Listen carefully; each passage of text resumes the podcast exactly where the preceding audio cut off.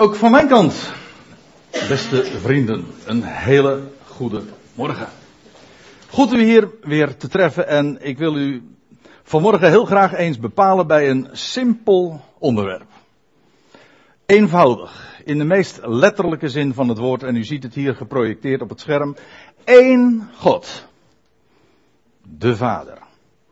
En over het verband tussen beide zinsdelen, één God, namelijk de Vader. Daar vooral wil ik u bij bepalen en ook schriftplaatsen laten zien die daarover gaan. Wat betekent het dat God Vader is? Het is min of meer een schot voor de boeg, hoewel het niet de opzet is. Maar ik eh, vernam zojuist dat er een bijbelcursus, of een, geen niet zozeer een bijbelcursus, maar een cursus voor vaders komt. Hoe word ik vader of hoe ben ik vader? Dat is waarschijnlijk nog wat beter gezegd. Hm? En wat betekent dat nou, vaderschap? Waar, waaraan is dat ontleend? En dan hebben we misschien het idee dat als we zeggen van God is een vader, en dat, dan is dat een metafoor. Wij kennen allemaal wat, eh, en we weten wat vaders zijn. En dan aan die realiteit is dan het begrip vader aan God gekoppeld. Maar ik zal u vertellen, het is precies omgekeerd. God is vader en het vaderschap dat wij hier kennen, en het staat letterlijk zo ook in Efeze 3, het vaderschap dat wij hier kennen is een reflectie van het feit dat Hij vader is. Dus God als vader is geen metafoor, het is omgekeerd, dat wij vaders kennen is een weerspiegeling of een type of een schaduw van het feit dat Hij vader is. Namelijk de ene God. En ik denk dat we nauwelijks besef hebben van hoe enorm belangrijk dit onderwerp is. Nou kan je als spreker natuurlijk altijd zoiets zeggen als je een onderwerp introduceert, maar ik kan het in dit geval ook al heel duidelijk ook motiveren. Er is geen waarheid in de Bijbel die zo fundamenteel is essentieel, centraal als de waarheid dat er één God is. Als het aan een Jood ook zou vragen, wat ik nu zeg, of dat klopt, dan zal die dat duizendkoppig beamen. Want hij staat daar letterlijk mee op en hij gaat ermee naar bed. En het eerste wat een Joods jochie leert op, de, op school, dat is het Shema Yisrael. Dat, is, dat zijn woorden uit Deuteronomium 6 waarin klinkt Shema Yisrael, Adonai Eloheinu, Adonai Echad. Ik heb ooit nog eens een Hebreeuwse cursus gehad, die hoort het. Hè? Maar dat zijn de woorden die, die, die betekenen, en zo worden ze ook vertaald, hoor Israël, de Heere is onze God, de Heere is één. Er is één God. En dat is zo essentieel dat, ik heb ook verhalen erover uh, gelezen en dat is altijd weer aangrijpend. Het is waar, je mee, waar een Jood mee opstaat. Het is ook waar die mee naar bed gaat. Maar dat niet alleen waarmee die ook ontslaapt. Waarmee die ook sterft. In, in het stervensuur neemt hij deze woorden op de lippen. Er is één God. En laat ik u dit zeggen. Dat is maar geen kwantitatieve kwestie. Een getalsmatig verhaal. Nee, het heeft te maken met kwaliteit. Want één God, dat is absoluut. Zodra er meer zijn, of dat er nou twee of drie of vier of vijf of nog veel meer zijn, dan is het zo'n godheid niet meer absoluut. Slechts één God kan ook werkelijk absoluut zijn. Allesomvattend. Universeel. Het geheel omvattend. Het universum is ook zo'n mooi woord. Dat een, zijn oorsprong vindt in die ene. Nou, in het Oude Testament, in de Hebreeuwse Bijbel, vinden we dat voortdurend, die waarheid. En je leest ook dat Israël deze woorden op de lippen zou nemen, want het, feit dat een Jood dat doet, is maar niet een kwestie van traditie. Zo staat het ook in de schrift. Je zult het uw kinderen inprenten en je zult er, gij zult er altijd over spreken. Wanneer gij onderweg zijt en wanneer gij weer thuis komt. Dat Shema. De Heer is onze God, Hij is één en je zult Hem lief hebben. Met heel je hart, met heel je ziel, met al je kracht. Hij, die ene God. Wel, Dat is de waarheid in de Hebreeuwse Bijbel. En als er een, een wetgeleerde bij Jezus komt, u kunt dat nalezen in Marcus 12, dan wordt er gevraagd aan hem van, ja, wat is er nou het belangrijkste in de schrift? In de wet en de profeten. En dan is het antwoord het eerste. Hoor Israël, de Heer is onze God, de Heer is één. Gij zult de Heer uw God liefhebben, et cetera. Maar dat is de waarheid. Dat is de boodschap van de wet en de profeet, oftewel de Hebreeuwse Bijbel. Maar ik laat u dit vertellen, in het Nieuwe Testament niet anders, in de Griekse Bijbel. Ook daar vinden we voortdurend die waarheid benadrukt. Ik, ik zal u een paar voorbeelden geven. Ik wil de schrift laten spreken. U bent hopelijk niet gekomen voor de spreker of voor mensen, maar je wil weten wat staat er geschreven. Dat zijn de, de levende woorden van God. Die zijn levend, ze zijn krachtig, ze zijn bovendien scherper dan enig tweesnijdend zwaard. Getuigt de Bijbel van zichzelf. Dus ja, wat kan ik beter doen? Gewoon dan u te wijzen op wat er staat geschreven. Want dat zal zijn werk doen. Nou, dat is een lofzang, eigenlijk min of meer in zo midden in de brief. Die, eh, Paulus is uh, in vers 1 uiteraard van dat hoofdstuk begonnen. Maar dan, dan houdt hij even stil en dan spreekt hij een geweldige ode uit naar die ene God. Luister, dan staat er dit. De koning der eeuwen, de koning der ionen van de wereldtijdperken. De onvergankelijke. De onzienlijke. Let op. De enige God. Weet u wat er in het Grieks staat? Dat is dit woord. Monotheo. En als ik het zo zeg, dan herkent u direct ons woord monotheïsme. Hier staat dat. Monotheïsme wil zeggen, wij geloven in één God. Een God die één is, uit één stuk. Dat wat hij doet, zegt hij, maar het is ook de enige God. Er is één iemand en buiten hem is er niemand. Wel, hij is die onvergankelijke God. Hij is onzienlijk, onttrekt zich aan onze waarneming. Hij drukt zich wel uit, maar daarover straks misschien nog wat meer. Maar hij is de enige God.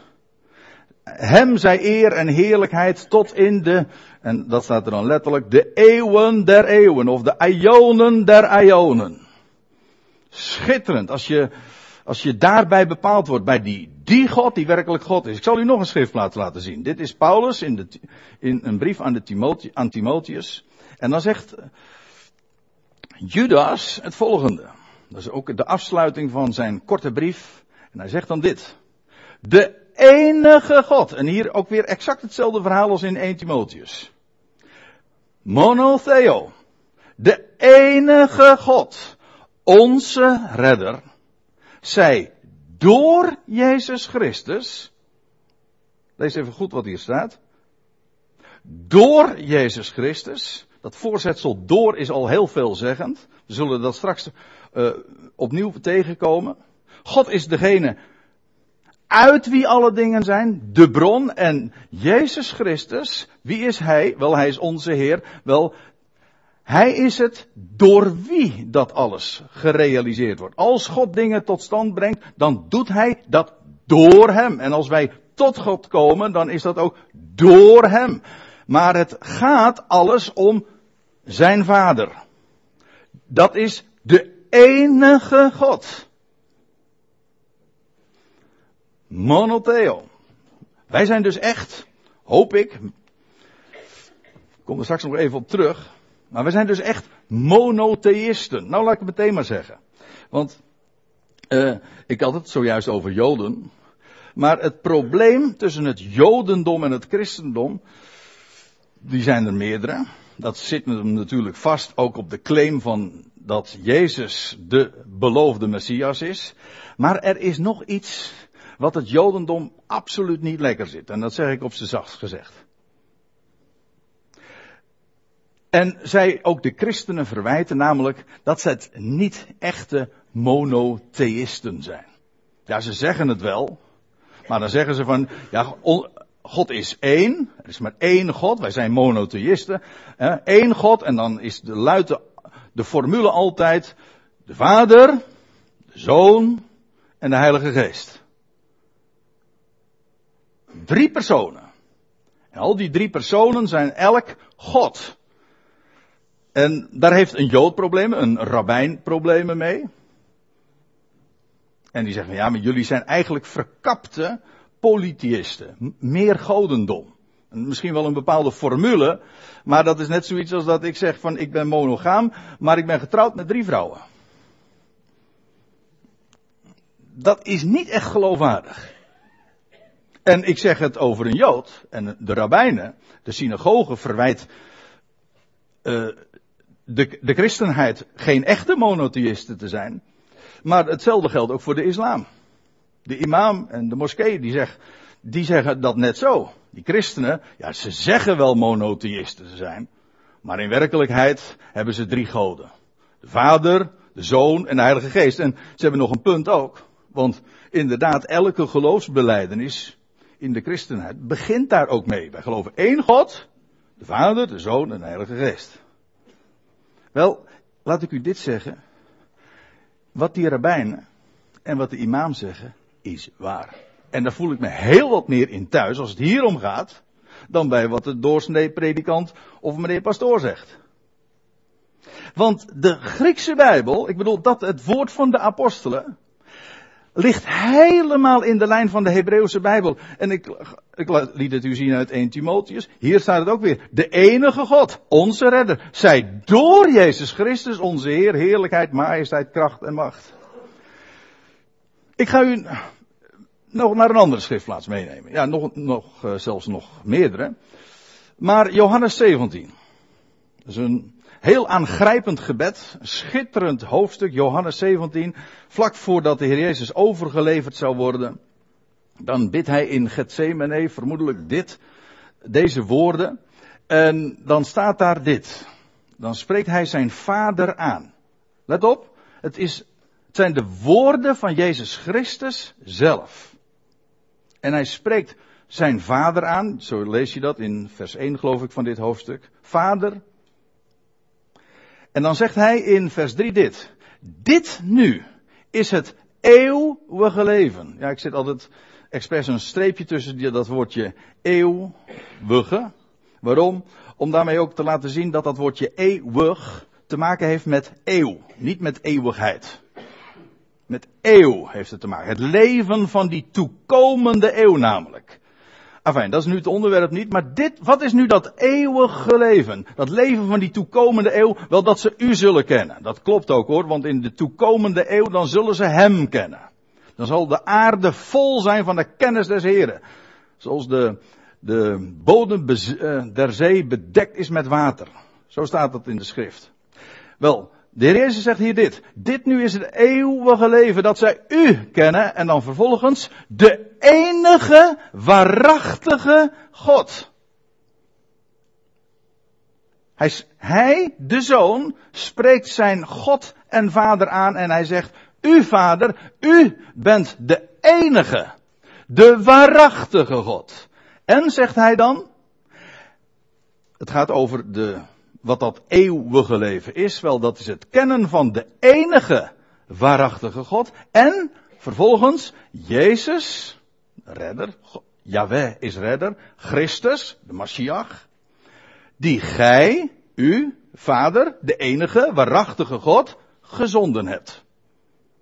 Is dit moeilijk? Ik zei al, bij voorbaat, dat waren mijn eerste woorden zo ongeveer. Het is vanmorgen een heel simpele boodschap. Eenvoudig. Dat is hier ook. We hebben daar de enige, waarachtige God. En vervolgens Jezus Christus, die Hij gezonden heeft. Zie daar eigenlijk in een, in een notendop ook de Bijbelse boodschap. Daar gaat het allemaal om. Ik neem u nog naar een ander woord mee. 1 Timotheus 2, vers 5. Daar schrijft Paulus dit. Want, zegt hij, er is één God. Ik had, ik had eigenlijk ook dat voorgaande vers er ook nog even bij moeten nemen, want daar staat, daar staat dit in vers 4. Want er is, want God, onze redder, wil dat alle mensen gered worden en komen tot kennis der waarheid. Die waarheid namelijk, dat God wil dat alle mensen gered worden. Want, zegt Paulus dan, en nou zijn we bij vers 5, er is één God. Met andere woorden, als er één God is, dan gebeurt er wat hij wil. Er is niets wat hem kan weerhouden. Als er meerdere goden waren geweest, dan had, dan had die wens of die wil van hem misschien geblokkeerd kunnen worden, maar dat kan helemaal niet. Het feit dat er één God is, is de beste garantie voor de goede afloop. Want er is maar één God. Dus absoluut. Er is één God, en dan staat er nog iets bij, en ook één middelaar. Aha, de middelaar is dus net zo goed uniek. Niet als de ene God, maar als middelaar van God en mensen. En wie is dat dan? Wel, dat is de mens, Christus Jezus. Eén God, één middelaar. Waardoor God tot de mens komt. Hij, de onzienlijke, drukt zich in hem uit. Maar ook waardoor de mens tot God komt. Eén middelaar van God en mensen, de mens Christus Jezus. Ik ga nog wat verder. 1 Korinthe 8, vers 6. Ik wil het heel duidelijk laten zien dat het maar niet zomaar uh, iets is wat ik uit mijn duim zuig. En dat het ook maar niet zoiets is van een waarheid die je in één vers terug kunt vinden als je heel erg goed leest op een bepaalde manier met een specifieke bril op. Nee, het is gewoon, het is de, de rode draad die door de hele Bijbel heen loopt. Simpel, eenvoudig. Ik zal u er nog één laten zien. 1 Korinthe 8. Daar schrijft Paulus, nou laat ik ook dat vers, eh, vers 5 er nog even bij vermelden, zonder het te laten zien. Dan zegt hij van ja, inderdaad, er zijn goden in menigte en heren in menigte. Dat klopt. De Bijbel spreekt ook over vele goden, dat wil zeggen vele plaatsers, rechters, in de hemel, op de aarde. Dat is allemaal waar. Maar, zegt Paulus, dat hoezeer dat ook waar is, er zijn goden in menigten. Maar, zegt hij dan, voor ons nogthans, als het er nou echt om gaat, is er maar één God. Namelijk de Vader. Daaraan is dus de titel van deze toespraak ook ontleend. Eén God, de Vader. Niet één God, Vader, Zoon en Geest. Nee, één God, de Vader. En er staat erbij, uit wie alle dingen zijn en tot wie wij zijn. Hij is dus de bron.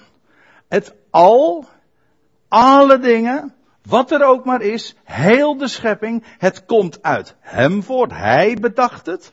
Hij maakte het. Hij vormt het. Hij is de schepper. Niet alleen maar hij heeft het geschapen, hij is nog steeds bezig met die schepping. De schepping is nog niet af. Maar hij completeert. Dat waar hij mee begon. Want hij laat dat nooit varen, zoals u weet. Afijn. Voor ons nogthans is er maar één God, de Vader, uit wie alle dingen zijn, het al, tapanta, het heelal, en tot wie wij zijn, en daar staat er nog bij, en één Heer, Jezus Christus, door wie alle dingen zijn. Hier heb je weer die, die twee voorzetsels uit God, de bron, van alles. En Jezus Christus, door wie God dat alles realiseert. Door wie het al is. Nou, ik heb u zojuist al even daar uh, mee geconfronteerd. Want wat ik nu tot dusver vanuit de schrift heb laten zien is, nogmaals, zeer eenvoudig. Simpel, niet moeilijk. Maar geen waarheid zo simpel. Of de mens, en dan zeg ik het eigenlijk nog aardig, want ik denk dat er in werkelijkheid achter de schermen nog veel meer aan de hand is. En u kunt wel raden wat en wie. Die dingen door elkaar gooit en die simpele dingen gecompliceerd maakt. Complex. Je krijgt het er haast ook van. Hm? En u ziet hier een plaatje van ene meneer Athanasius. Zijn naam betekent onsterfelijkheid. Nou ja, uh, wat hij zich onsterfelijk gemaakt heeft, daar hebben we het nu even niet over. Hij heeft in elk geval hij heeft een hele belangrijke rol gespeeld in een kerkelijk concilie. Dat was in 325 Nicea. Dat is de plaats waar, die, waar de kerk toen vergaderde. En dat ging toen over de vraag: hoe is, hoe is dat nou? Is er één God? Ja, zeiden ze, maar. En toen is, de, ja, is daar een, een hele formulering op, op schrift gesteld. De geloofsbelijdenis van Athanasius heeft dat nog veel uitgebreider gedaan. Maar het is opmerkelijke is, al die geloofsbelijdenissen, dat, dat noemt men de katholieke geloofsbelijdenissen, die worden onders, onderschreven door eigenlijk de hele christenheid. Van katholiek tot protestant, van evangelisch tot charismatisch, alles. Die zijn gebaseerd op de, de formuleringen die teruggaan toen op de Nicea. En ik zal u vertellen, dat is een enorme ontsporing geweest. Daar heeft ook een enorme uh, verwijdering plaatsgevonden met het Jodendom. En het pro, eh, een van de dingen die bijvoorbeeld ook in Nicea eh, zijn vastgesteld is, uh, dat, is dat is deze, dat ging over God. Wie is God? Is God één? Maar ook, het ging over de vraag van de paasdatum. Dit paasdatum mocht uitdrukkelijk nooit samenvallen met het Joodse Pesach. Dus als het een keertje, uh, vanwege de type berekening, wel een keertje zou, toevalligerwijs zou samenvallen met het Joodse Pesach, dan moest het alsnog verschoven worden om absoluut maar niet geassocieerd te worden met het Joodse volk. Men wilde een heel duidelijke kloof creëren met het Jodendom en met de Hebreeuwse gedachten van, van de schrift. Nou, daar is Nicea eigenlijk ook de, de weerslag van. Echt een, vreselijke ontsporing. En dat wat het Jodendom, in feite met de islam in haar kielzog, het christendom verwijt, is helaas waar. Men is afgeweken van de schrift. Wat zegt men bijvoorbeeld daar? Athanasius, en dat is daar op schrift gesteld. Jezus Christus, wie is hij? Hij is God, de Zoon. Maar ik zal u dit vertellen. Die hele uitdrukking staat nergens in de Bijbel. Hoe fundamenteel ze ook mag zijn in de confessie van de kerk. Nergens vinden we de uitdrukking. Dat is toch eigenlijk opmerkelijk. Dat je een woord fundamenteel maakt. We verklaren dat tot grondslag van ons, ons instituut en van ons beleiden en de kern van ons geloof. Een woord dat niet aan de schrift ontleend is. Sterker nog, het staat daar haaks op. Want de schrift spreekt vele malen, tientallen keren over God de Vader. Maar nooit over God de Zoon. Wie is de Zoon dan wel? Wel, Jezus Christus is niet God de Zoon, maar de Zoon van God.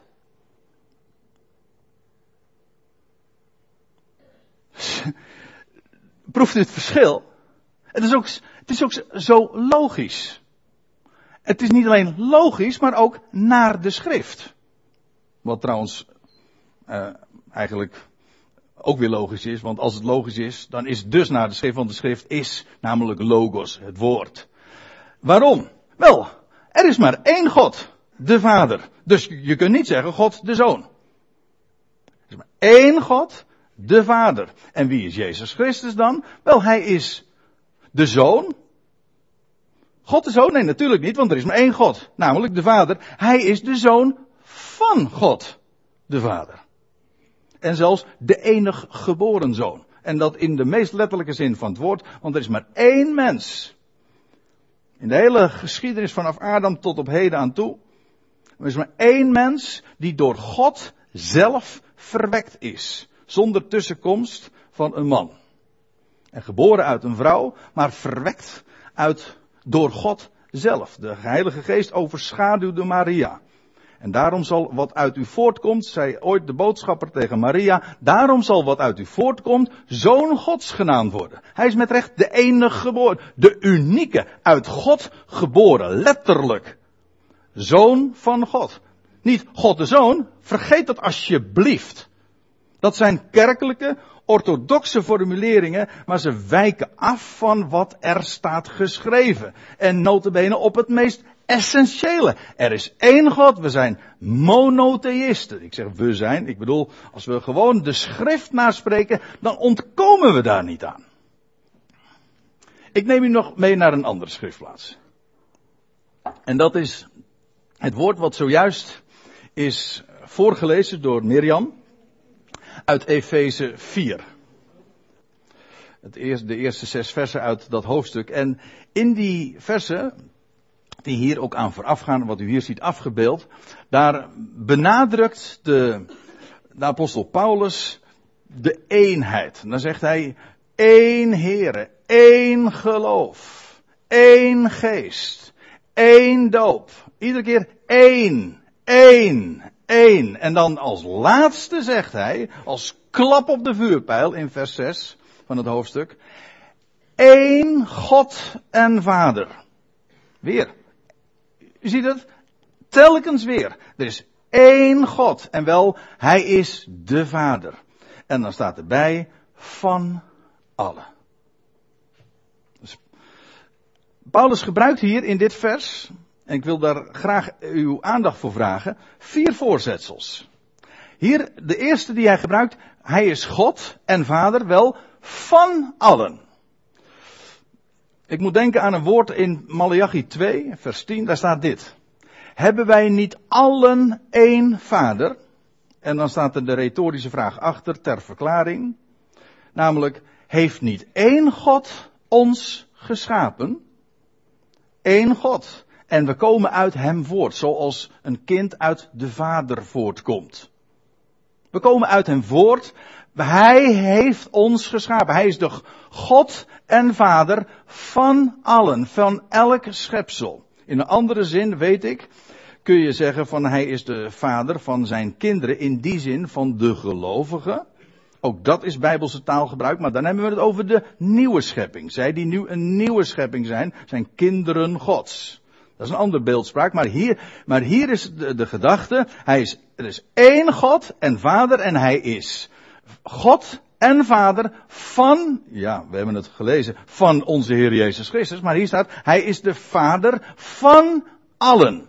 Namelijk de schepper van elk creatuur. In elk geval ook van elk mens. Dat is hier vooral de gedachte. Allen, namelijk alle mensen. Hij is God en Vader van allen. En daar staat erbij, die is boven allen. Tweede voorzetsel. Van allen, maar ook boven allen. Hij is namelijk de Allerhoogste. Een van de titels in de schrift van, van onze God is dat hij de Allerhoogste is. De God der goden. En hij overtreft alles. En ik moet ook denken aan woorden die je vindt in Jezaja, wat is het, 55. Waar staat dat, dat God zegt, mijn wegen zijn hoger dan uw wegen en mijn gedachten zijn hoger dan uw gedachten. Hij is met recht dus ook niet alleen als God boven allen, maar hij is ook in zijn hele denkzin, in zijn motieven, in, in, in zijn raad, in zijn bedoelingen, zijn plan, maar ook in de wijze waarop hij dat opereert, dat wil zeggen in de, in, in de weg die hij gaat, de wegen die hij gaat met zijn schepping, is hij boven alle. Overtreft hij alle. En zijn wij volstrekt nietig in zijn ogen. En wie zijn wij om hem te bekritiseren? Hij, is, hij overtreft alles. En hoe, hoe, vaak is het niet zo dat wij onze eigen ideeën hebben over, over wat goed is en dat er dan dingen gebeuren. Hoe, hoe kan God dat toelaten? En terwijl ik dat zeg, weet ik zeker dat u voor uzelf zomaar met het grootste gemak uh, talloze voorbeelden kunt, kunt bedenken waarbij je die vraag uh, jezelf stelt en als u zich die, zelf, uh, die vragen niet zou stellen, dan stellen andere mensen je die vragen wel. Hoe kan dat? Wel, het punt is deze, hij is God. En hij staat boven alle. En ja, wat, wat zijn wij mensen nu? Ons, ons brein, dat staat uh, nou pakweg twee meter boven boven, boven het aardoppervlak. En dat is wel, eh, eh, dat lijkt mij vrij veelzeggend. En ja, een paar ons grijze hersencelletjes. En wat stelt dat nou voor onze, wat, wat kunnen wij nou bedenken? Wat weten wij nou? Hoe kunnen wij nou het geheel beoordelen? Het, ik bedoel, het geheel. Van begin tot het eind. Het totaal. We zijn volstrekt niet zeggend. Ons denken is letterlijk laag bij de grond. Staat zo dicht bij de aarde. Maar hij is boven alle. En denk je nou werkelijk dat jij als piepklein mensje een, een oordeel zou kunnen vormen over die God en over de wegen die hij begaat? Ben je wel goed bij je verstand? Als je dat meent je te kunnen, te kunnen veroorloven. Zo het hele idee al. Afgezien van het feit dat zijn werk nog niet af is. Het is toch eigenlijk belachelijk dat je een, een, een werk dat nog niet af is al zou beoordelen. Dat noem ik nou echt een vooroordeel. Je zal toch maar iemand een schilderij, een schilder die een prachtig eh, werk bezig is te maken, halverwege zijn, halverwege zijn, zijn arbeid al gaan, gaan zeggen van nou, ik, ik vind schilderij niet goed. Zeg ho ho, wacht eventjes, het is nog niet af. Of een, of een auteur die bezig is met een boek. En dan, terwijl, die, terwijl je in het derde hoofdstuk bent, terwijl, terwijl er nog 25 hoofdstukken gaan volgen, zegt van nou nee, ik, ik vind de plot van het boek niet goed. Dat is toch krankzinnig? Hij is God. Hij is boven alle. Hij is, hij is onze God. Je bent gewoon een creatuur van Hem. En bovendien, Hij is boven allen. En er staat er ook nog bij, door allen. En dat hij door allen is, dat lijkt een wat raar eh, voorzetsel in dit verband, maar het wil zeggen, hij gaat door allen, door alles, maar ook door allen heen, werkt hij zijn plan uit. In Daniel 4, trouwens dat is de geschiedenis van, van Nebukadnezar, uh, waar ik nu uit uh, citeer. En uh, ik had het net, net eventjes over, nou daar ben je niet goed bij je verstand. Maar er was, hij was zo'n man. Inderdaad, was de machtigste man in die dagen op de hele aarde. En dan zegt hij op een gegeven ogenblik, is dit niet het Babel, een geweldige wereldstad, is dit niet het Babel dat ik gebouwd heb? Maar hij was gek. Ja, hij werd gek, maar hij was het eigenlijk ook al. Krankzinnig. En toen moest hij nog even laag bij de grondser. Ging hij gras eten als een koe. Maar dat idee, hè, dat hij uh, zo zich een oordeel vormde over en ook op een voetstuk zelf ging staan. Nou, en dan staat er in Daniel 4, vers 35. Dat is zo voor de mens ontluisteren, nou in ieder geval ontnuchteren, niet ontluisteren. Want onze luister is dat wij zijn creatuur zijn. Dat is onze heerlijkheid ook. We zijn van Hem. Hij heeft ons gemaakt, hij heeft ons bedacht, hij heeft een plan. Maar dan, moeten we lezen. Ja, alle bewoners der aarde worden als niets geacht. Jezaja voegt eraan toe, als een druppel aan de emmer. Wil het nog, kan het nog onbenulliger. Als een druppel aan de emmer en er staat er als een stofje aan de weegschaal. Volstrekt niets. En als niets geacht, inderdaad. En dan staat erbij, hij, met een hoofdletter, God, die ene, doet naar zijn wil met het Heer des hemels, dat wat u boven u ziet, met, met het heelal, met het Heer des hemels, maar ook met de bewoners der aarde, hoeveel miljarden dat ook zijn. Hij doet naar zijn wil met het Heer des hemels en de bewoners der aarde. En niemand, let op, niemand is er die zijn hand kan weerhouden. Of tot hem kan zeggen, wat doet gij? Of hem ter verantwoording zou kunnen roepen. Of hem raad zou kunnen geven. Dat denken wij, hè, dat we God raad moeten geven. Dan organiseren we bidstonden en dan zeggen we van, nou heer, u moet het zus of zo doen. Wij even van God, uh, wij, wij dienen dan God, uh, maar dan van advies. Hm? Maar wat dacht u nou? Hij is God. Hij plaatst en hij is werkelijk een vader. En niets kan weerhouden. Hij is boven, hij is uh, boven alle in, maar ook door allen werkt hij heen. En geen schepsel is onbereikbaar voor hem. En als hij uw hart verhardt, dan verhardt hij uw hart. En als hij uw hart opent, dan opent hij uw hart. En dat is een geweldige waarheid. Dat betekent dat er niets onmogelijk is voor hem. Ik zou zeggen, prijs hem. Dat is waar het in het leven om gaat, dat je hem kent als vader. Nou, ik lees nog even verder, want ik ga nog even terug naar uh, Efeze 4, vers 6. Eén God en Vader, inderdaad. We lazen van allen, die is boven allen, door allen. En nou komt het nog. En in allen. Feitelijk is dit is een profetische waarheid. Ik moet direct denken aan wat we lezen in de woorden in 1 Korinthe 15, waar Paulus de geweldige heerlijkheid uiteenzet van, van de overwinning op de dood, die in het verleden is behaald. Toen Jezus Christus opgewekt werd uit de doden door zijn God en Vader. En definitief, en de dood overwon. Maar zegt Paulus dan in dat schitterende hoofdstuk van 1 Korinthe 15, hij zegt, de dood is overwonnen, maar er komt een moment, je moet even geduld hebben, maar er komt een moment dat de dood ook teniet gedaan zal worden. Dan zal er geen dood meer zijn. Weet u hoe dat komt? Dat komt omdat hij allen gaat levend maken. En als allen zijn levend gemaakt, dan is er geen dood meer. Dat is ook simpel hoor. Dat weet ik. Maar daar hou ik van. Ik ben een simpel mens. En ik hou ervan om dingen simpel te vertellen. De Bijbelse waarheid is zo geweldig, zo solide, maar ook zo eenvoudig en heerlijk.